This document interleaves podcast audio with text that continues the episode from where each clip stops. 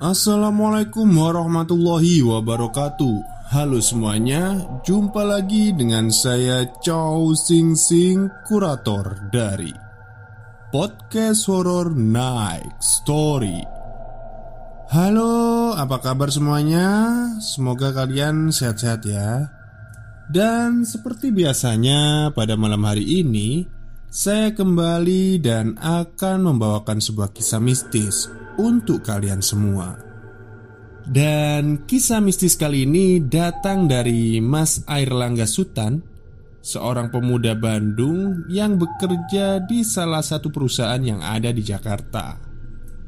Seperti apa kisahnya? Mari kita simak. Halo Mas Chow Sing Sing, Terima kasih sudah mau membacakan cerita ini. Aku ingin menceritakan dan berbagi pengalaman hororku. Jadi, hari itu aku berencana pulang kampung ke Bandung. Aku bekerja di salah satu perusahaan yang ada di Jakarta. Namun, karena adanya pandemi, perusahaan tempatku bekerja diliburkan sementara.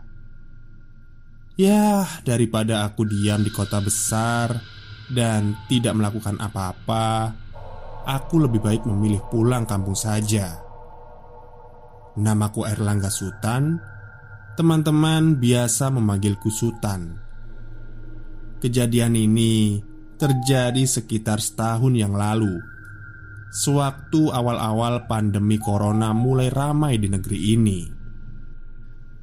Setelah semua kurasa siap, akhirnya aku memutuskan untuk berangkat pulang. Kuturunkan motorku ke jalanan gang di depan kos.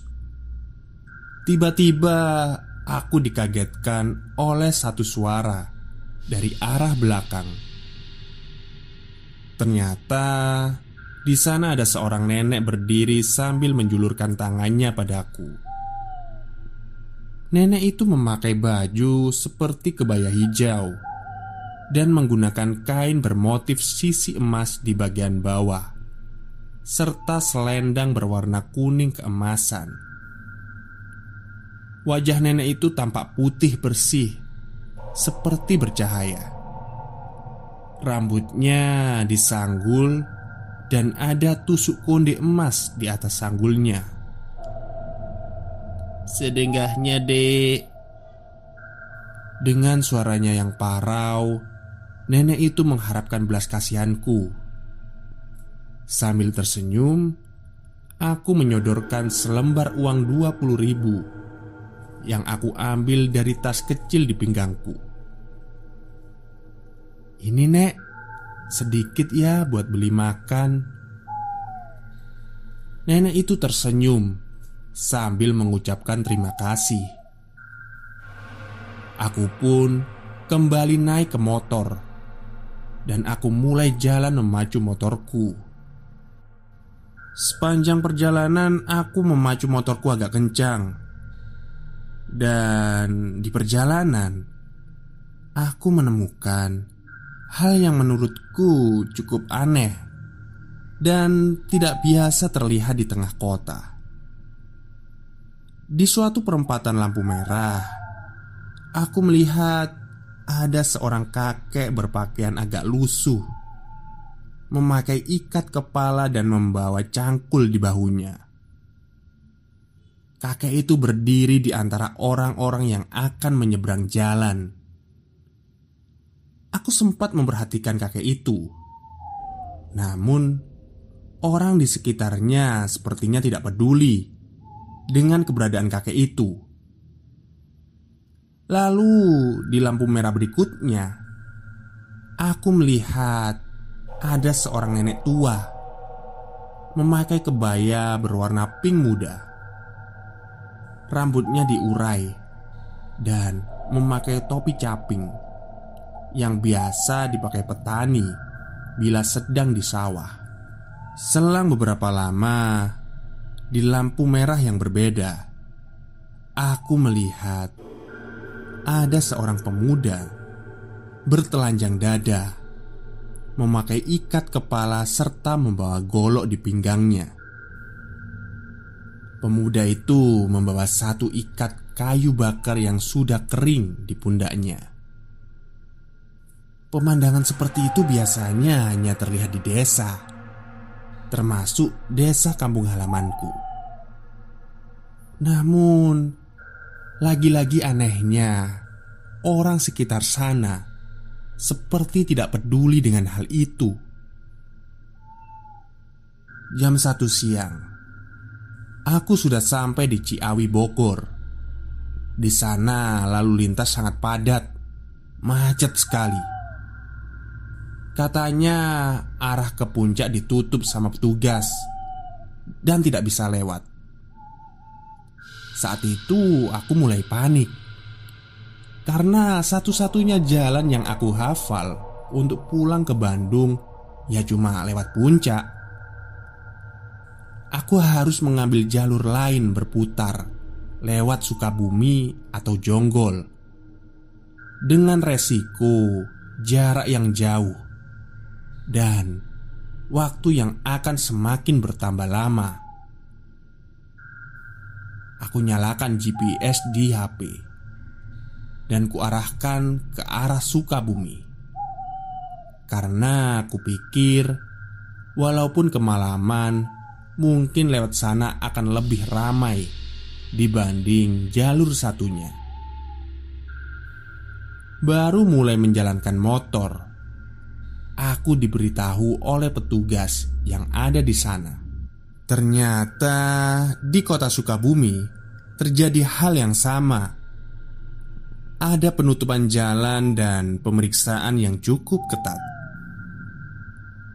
Maka mau tak mau, Laju motorku kuarahkan ke arah jalur jonggol Yang walaupun aku sama sekali tidak tahu Dan aku hanya mengandalkan petunjuk arah dari GPS yang ada di HP Makin lama langit semakin gelap Dan gerimis pun mulai turun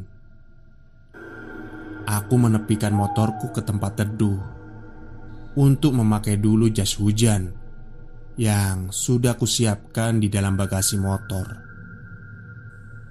Di GPS ku kulihat untuk sampai di daerah Cianjur jaraknya masih sangat jauh. Aduh, kalau menunggu sampai hujan reda, bisa kemalaman di jalan ini. Batinku saat itu Aku akhirnya memutuskan untuk melanjutkan perjalanan di tengah guyuran hujan yang sangat deras.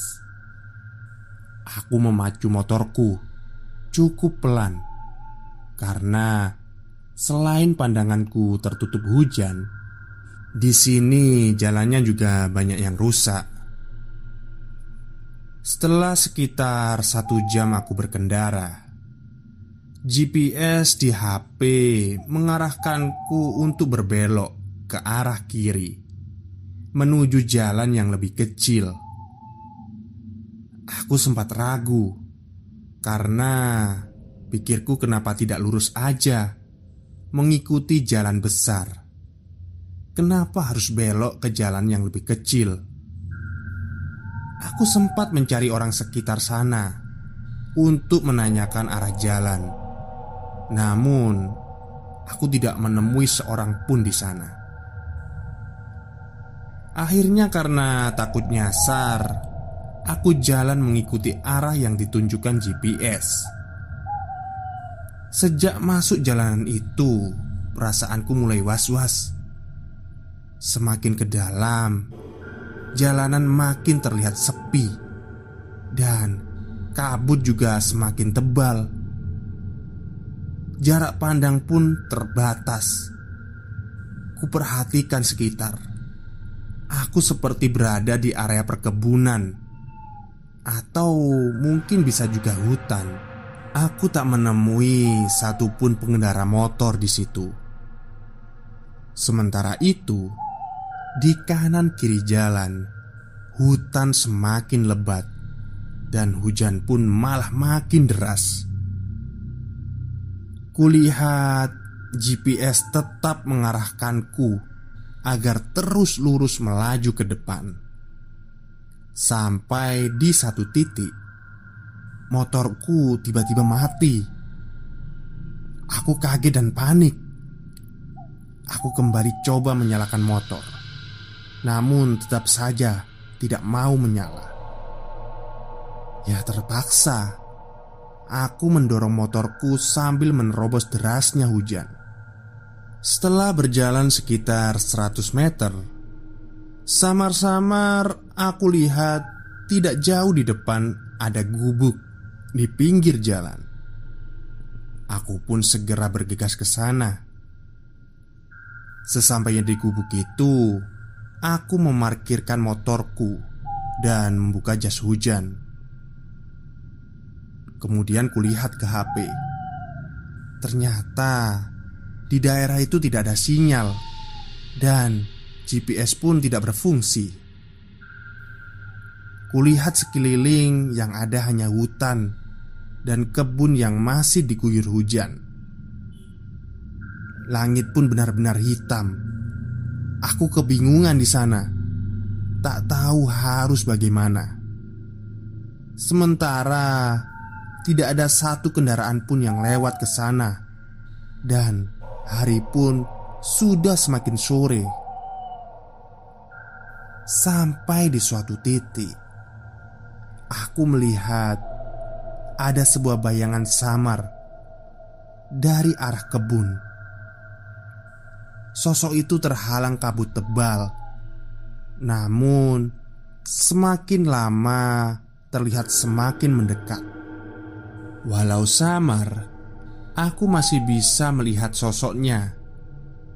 Bentuknya seperti sosok manusia, namun anehnya terbalut kain putih seperti pocong. Tapi tangan dan kakinya tidak terikat Dan di ujung tangannya Seperti memegang sebuah parang Yang sangat panjang. Ah, sangat menyeramkan. Badanku langsung gemetar saat itu. Dadaku terasa sesak. Ku bejamkan mata.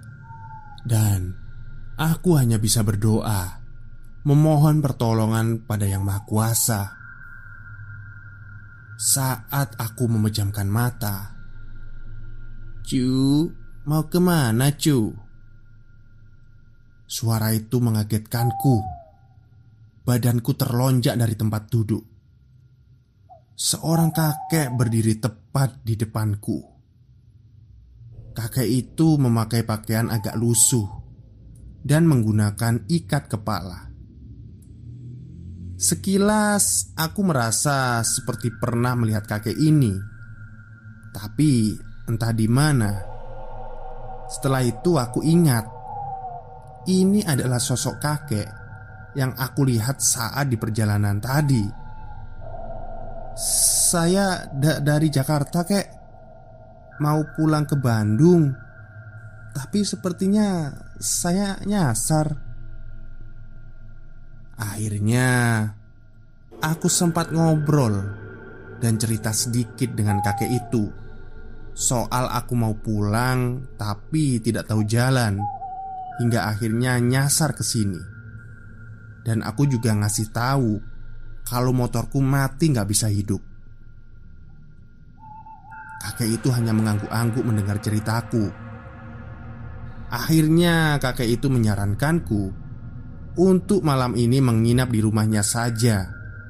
Soalnya sebentar lagi malam dan motorku juga dalam kondisi rusak. Awalnya sih aku menolak karena tidak enak sama si kakek. Dan keluargaku pun pasti sangat khawatir di kampung.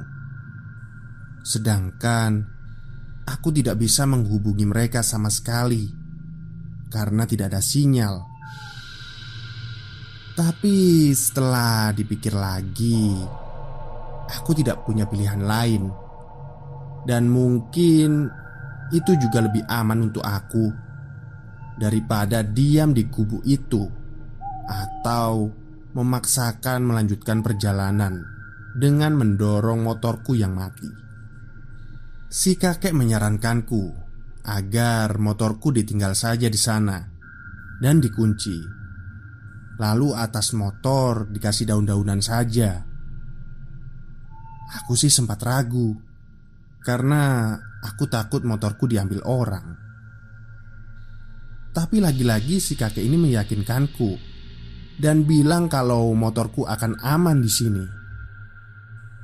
Dengan menggunakan daun pisang sebagai payung, aku berjalan mengikuti si kakek. Jalanan yang dilewati berupa jalanan setapak, melewati kebun-kebun yang licin dan becek karena jalannya hanya tanah. Rimbunan daun dan pepohonan membuatku agak susah melihat ke depan. Jadi aku hanya menunduk sambil mengikuti arah langkah si kakek. Tiba-tiba, si kakek berhenti mendadak, membuatku hampir saja menabrak punggungnya. Ini kampung tempat kakek tinggal, cu. Ujarnya, dan seketika aku langsung melihat ke depan.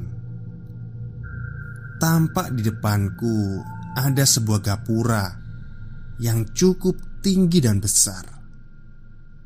Gapura itu berupa batu berunda yang disusun sedemikian rupa sehingga menyerupai sebuah candi. Aku terperangah dan tak sempat merucap apa-apa.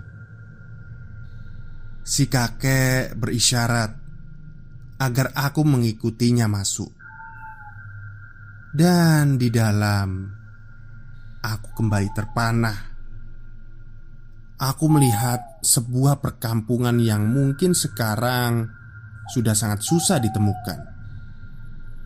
Deretan rumah panggung terbuat dari kayu dan beratapkan jerami.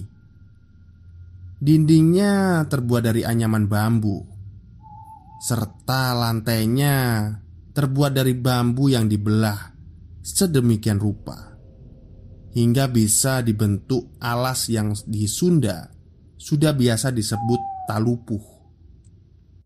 Di sana tidak ada listrik sama sekali. Penerangannya menggunakan lampu minyak kelapa. Aku kembali melangkah mengikuti si kakek di pinggir jalanan. Setiap beberapa meter terdapat dua buah obor yang diletakkan di kiri dan di kanan jalan sebagai penerangan. Kebanyakan laki-laki di sana bertelanjang dada dan menggunakan ikat kepala. Namun, ada juga beberapa orang yang menggunakan pakaian seperti pangsi, sedangkan perempuannya menggunakan kain sebatas dada namun lebih mudah dilengkapi dengan kebaya. Meskipun aku juga dari kampung, tapi pemandangan seperti ini tetap asing bagiku. Mereka menatapku dengan tatapan yang datar, tanpa ekspresi. Aku sempat senyum pada beberapa orang, namun mereka tidak meresponku sama sekali. Aku dan kakek berjalan menuju sebuah rumah agak pojok. Di halaman rumahnya terdapat sebuah kendi cukup besar, berisikan air yang sangat jernih, dan di atasnya terdapat gayung yang terbuat dari batok kelapa dan gagangnya dari kayu. Aku sempat mengira itu air untuk cuci tangan atau kaki Ternyata, kata si kakek, air itu sengaja disiapkan untuk orang yang kehausan. Sampurasun, kata si kakek. Rampes, terdengar sahutan dari dalam rumah. Seorang nenek muncul dari dalam rumah. Aku kembali tersentak melihat nenek itu. Seorang nenek tua yang memakai kebaya berwarna pink muda dan rambutnya yang putih digerai begitu saja. Benar dugaanku, ini adalah nenek yang aku lihat di perjalanan tadi. Dalam hatiku sempat heran, kenapa si kakek dan si nenek bisa ada di sini. Namun mulutku tidak berucap apa-apa. Si nenek dan si kakek mempersilahkanku masuk. Aku masuk ke rumah itu. Suara derit langkah kaki menginjak lantai bambu pun terdengar. Aku melihat sekeliling. Sungguh, ini rumah yang sangat sederhana, tanpa ada hiasan dan ornamen apa pun. Hanya bilik bambu yang diterangi temaram lampu Petromax. Kok lama tadi pak jemputnya? Tanya si nenek Iya Tadi sempat ngobrol dulu sama si AA Soalnya Sempat takut si AA-nya waktu bapak jemput Jawab si kakek sambil sedikit tertawa kecil Aku mengerutkan kening mendengar hal itu. Apa maksudnya? Kenapa nenek itu bilang aku dijemput? Seolah-olah mereka tahu kalau aku akan ke sini. Sudah, jangan kebanyakan melamun. Makan dulu. Pasti lapar kan habis nyasar dan dorong motor tadi Kata nenek mengagetkanku Lagi-lagi aku tersentak. Dari mana si nenek tahu kalau aku nyasar Dan aku dorong motor? Padahal dia tidak ada di sana. Dan aku pun tidak mendengar si kakek bercerita pada si nenek tentang hal yang terjadi padaku. Mereka seolah tahu semuanya yang aku alami hari ini. Di depanku tersaji beberapa makanan, mulai dari nasi yang disuguhkan memakai bakul anyaman bambu, dan lauknya ada ikan bakar, lalapan daun-daunan, dan pepes ikan kecil yang ditaburi daun kemangi. Si nenek menyodorkan nasi padaku piring yang berupa cobek kecil yang dialasi daun pisang. Jujur saja, aku merasa lapar saat itu. Akhirnya, aku, si kakek, dan si nenek makan dengan lahap. Setelah kenyang makan, aku pun berbincang-bincang di teras rumah. Langit sudah semakin gelap, namun di luar aku lihat orang malah semakin ramai. Mereka ada yang hilir mudik, ada yang cuma bercengkrama. Anak-anak bermain ditemani cahaya dari obor-obor yang berjajar di sepanjang jalan. Tiba-tiba, dari ujung jalan terlihat iring-iringan orang. Paling depan di iring-iringan ada beberapa perempuan berpakaian seperti pengantin adat menari dengan iringan gamelan, dan di belakangnya ada usungan tandu. Di atas tandu itu terlihat ada sosok perempuan yang duduk bersimpuh. Di kanan kirinya ada beberapa laki-laki bertelanjang dada dan membawa tombak yang panjang Orang-orang yang berada di jalanan seketika memberi hormat dengan duduk bersimpuh dan merapatkan kedua tangannya di atas kepala. Sembah kapihatur eyang Ucap si kakek dan si nenek Sambil duduk bersimpuh saat iringan itu lewat di depan rumah Aku hanya berdiri mematung Terdiam tanpa harus tahu berbuat apa. Saat tandu itu kembali lewat, aku kaget. Terlihat di atas tandu itu seorang nenek yang kembali aku yakin aku pernah melihat nenek itu Nenek itu menggunakan baju seperti kebaya hijau dan menggunakan kain bermotif sisi emas di bagian bawah, serta selendang berwarna kuning keemasan. Wajah nenek itu tampak putih bersih seperti bercahaya. Ya, jelas beliau adalah nenek yang tadi pagi aku temui sebagai sosok pengemis, dan ternyata beliau adalah sesepuh di kampung ini.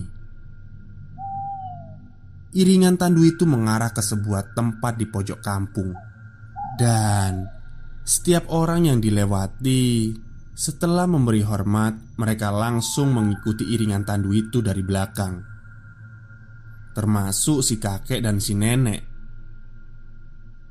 Aku hanya terdiam, tidak tahu apakah harus ikut juga. Semakin lama iringan itu semakin menjauh Dan mulai hilang di kegelapan Suasana sangat hening Tidak ada satupun orang di sana selain aku Tiba-tiba bulu kuduku merinding Namun rasa penasaran mendorongku untuk mengikuti iring-iringan itu Aku pun mulai melangkah berjalan menuju ke arah tempat orang-orang itu pergi. Aku mengikutinya pelan-pelan karena takut ada yang melihat atau takut mengganggu. Hingga setelah cukup jauh, aku melihat ada kumpulan cahaya obor di tengah-tengah kegelapan. Dengan pelan dan hati-hati, aku langsung mendekati ke sana. Sebenarnya aku takut ketahuan namun, kembali rasa penasaran membuatku terus ingin mendekat. Dari balik pohon yang cukup besar, aku melihat orang-orang berkumpul di sebuah lapangan yang tidak cukup besar. Mereka duduk bersimpu, dan di hadapan mereka berdiri seorang nenek yang tadi aku lihat duduk di atas tandu. Nenek itu berbicara dengan suara lantang Hingga suaranya sampai di tempatku berada Setelah didengar dengan teliti ternyata Apa yang dibicarakan oleh nenek itu Adalah tentang keberadaan kita saat ini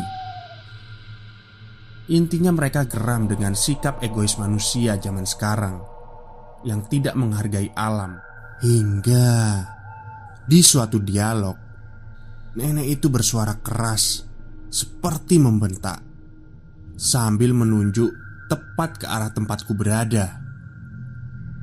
Sontak aku kaget dan semua orang yang ada di sana seketika berbalik dan melihat ke arahku.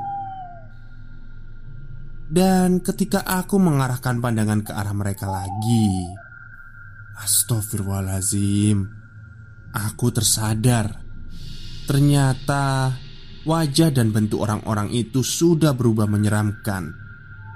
Tidak seperti saat kulihat sebelumnya. Ada yang mukanya rata Dan ada juga yang badannya hancur Semua berbeda Dan sangat menyeramkan Karena panik aku terus berdoa sambil berusaha bangkit Agar bisa pergi dari sini Akhirnya aku bisa berdiri Dan saat aku balikkan badan dan hendak berlari, sosok putih itu berdiri mendekatiku. Sosok itu adalah pocong dengan muka hitam hangus. Namun anehnya, tangan dan kakinya keluar tidak terikat. Aku kembali kaget. Namun aku berusaha agar tetap kuat dan sadar Aku berlari ke arah lain. Hutan yang gelap serta semak-semak belukar tak aku pedulikan. Aku terus berlari dan berlari dengan sesekali menengok ke arah belakang. Takutnya mereka mengejarku. Hingga saat berlari, kepalaku menabrak sesuatu. Aku jatuh terhuyung karena kepalaku sakit sekali. Awalnya kukira aku menabrak dahan pohon Ternyata setelah ku teliti Yang aku tabrak adalah sosok kepala tanpa badan Tergantung di atas pohon Kepala itu tertawa kencang melihatku gemetaran. Dan aku pun kembali berlari tanpa arah. Hingga aku melihat ada satu cahaya dari jauh. Aku mendekati cahaya itu Dan berharap menemui seseorang. Tapi ternyata itu hanyalah sebuah obor yang menancap di batang pohon. Saat aku melihat ke sekitar, aku teringat, bukankah tempat ini harusnya tempat perkampungan? Tapi kenapa sekarang hanya lahan kosong yang dipenuhi rumput liar dan semak belukar? Ke mana kampung kakek itu? Saat aku tengah termenung, tiba-tiba bahuku ditepuk seseorang. "Kek," ucapku. Ternyata itu adalah si kakek. Mukanya datar tanpa ekspresi. Belum sempat aku berkata apa-apa lagi. Tapi tiba-tiba tangan si kakek menarikku dan tangan satunya menunjuk ke satu arah. Pulanglah dan sampaikan salam kami pada mereka. Ucap kakek itu. Setelah dihipnotis, aku hanya bisa mengangguk dan berjalan mengikuti arah yang tadi ditunjuk si kakek tanpa berkata apa pun. Setelah beberapa langkah berjalan, aku berbalik. Tadinya aku hanya ingin melihat si kakek lagi sambil melambaikan tangan. Tapi saat aku berbalik, ternyata yang kulihat adalah sosok pocong yang tadi sempat menghadangku. Sontak, aku kembali berlari kencang. Tak lama setelah aku berlari kencang, samar-samar aku mendengar suara orang mengaji. Aku merasa sedikit lega Aku istirahat Aku senderkan badanku ke semak-semak yang ada di belakangku Dan punggungku seperti menyentuh benda keras Aku berbalik Dan ku coba singkirkan tumpukan semak itu Dan ternyata Motorku ada di sana Perasaan motorku ditinggal di gubuk pinggir jalan Kenapa bisa ada di sini? Dari arah timur, fajar mulai menyingsing. Alam pun mulai terang. Aku mendorong motorku dari dalam hutan itu, melewati jalan setapak yang kutemukan tidak jauh dari tempatku berada. Badanku sangat lemas, namun dengan sekuat tenaga, aku terus mendorongnya hingga akhirnya aku bertemu dengan beberapa petani yang hendak ke ladang. Mereka terheran-heran, kenapa aku bisa ada di sana. Aku tidak bisa menjawab apa-apa karena badanku terasa amat lelah. Akhirnya, mereka membantuku dan membawaku ke kampungnya. Di sana, aku beristirahat hingga setelah pulih, baru aku ceritakan semua pada mereka. Mereka terkejut dan heran dengan semua ceritaku. Dan menurut warga di sana, ternyata hutan tempatku tadi berada itu hutan keramat dan tidak semua orang berani masuk ke sana. Setelah merasa tenang dan kuat, aku pun melanjutkan perjalanan pulang ke kampungku. Demikian ceritaku Mr. Chow Sing Sing Mohon maaf bila alur ceritanya terlalu panjang dan bertele-tele. Sekali lagi terima kasih kepada admin podcast Horror Next Story. Semoga selalu sehat dan sukses. Amin. Baik, terima kasih kepada Mas Airlangga Sultan yang sudah mengirimkan kisah mistisnya pada podcast Horror Next Story. Dan jika saya pikir-pikir ya, Setannya ini niat sekali loh Sampai-sampai Mas Airlangga ini disusul Dijemput Dari kosnya terus dibawa ke Kampung gaib si demit ini. Ya pokoknya Salut lah sama si setan. Oke mungkin itu saja yang bisa saya sampaikan pada malam hari ini. Semoga Anda semua terhibur. Selamat malam dan selamat beristirahat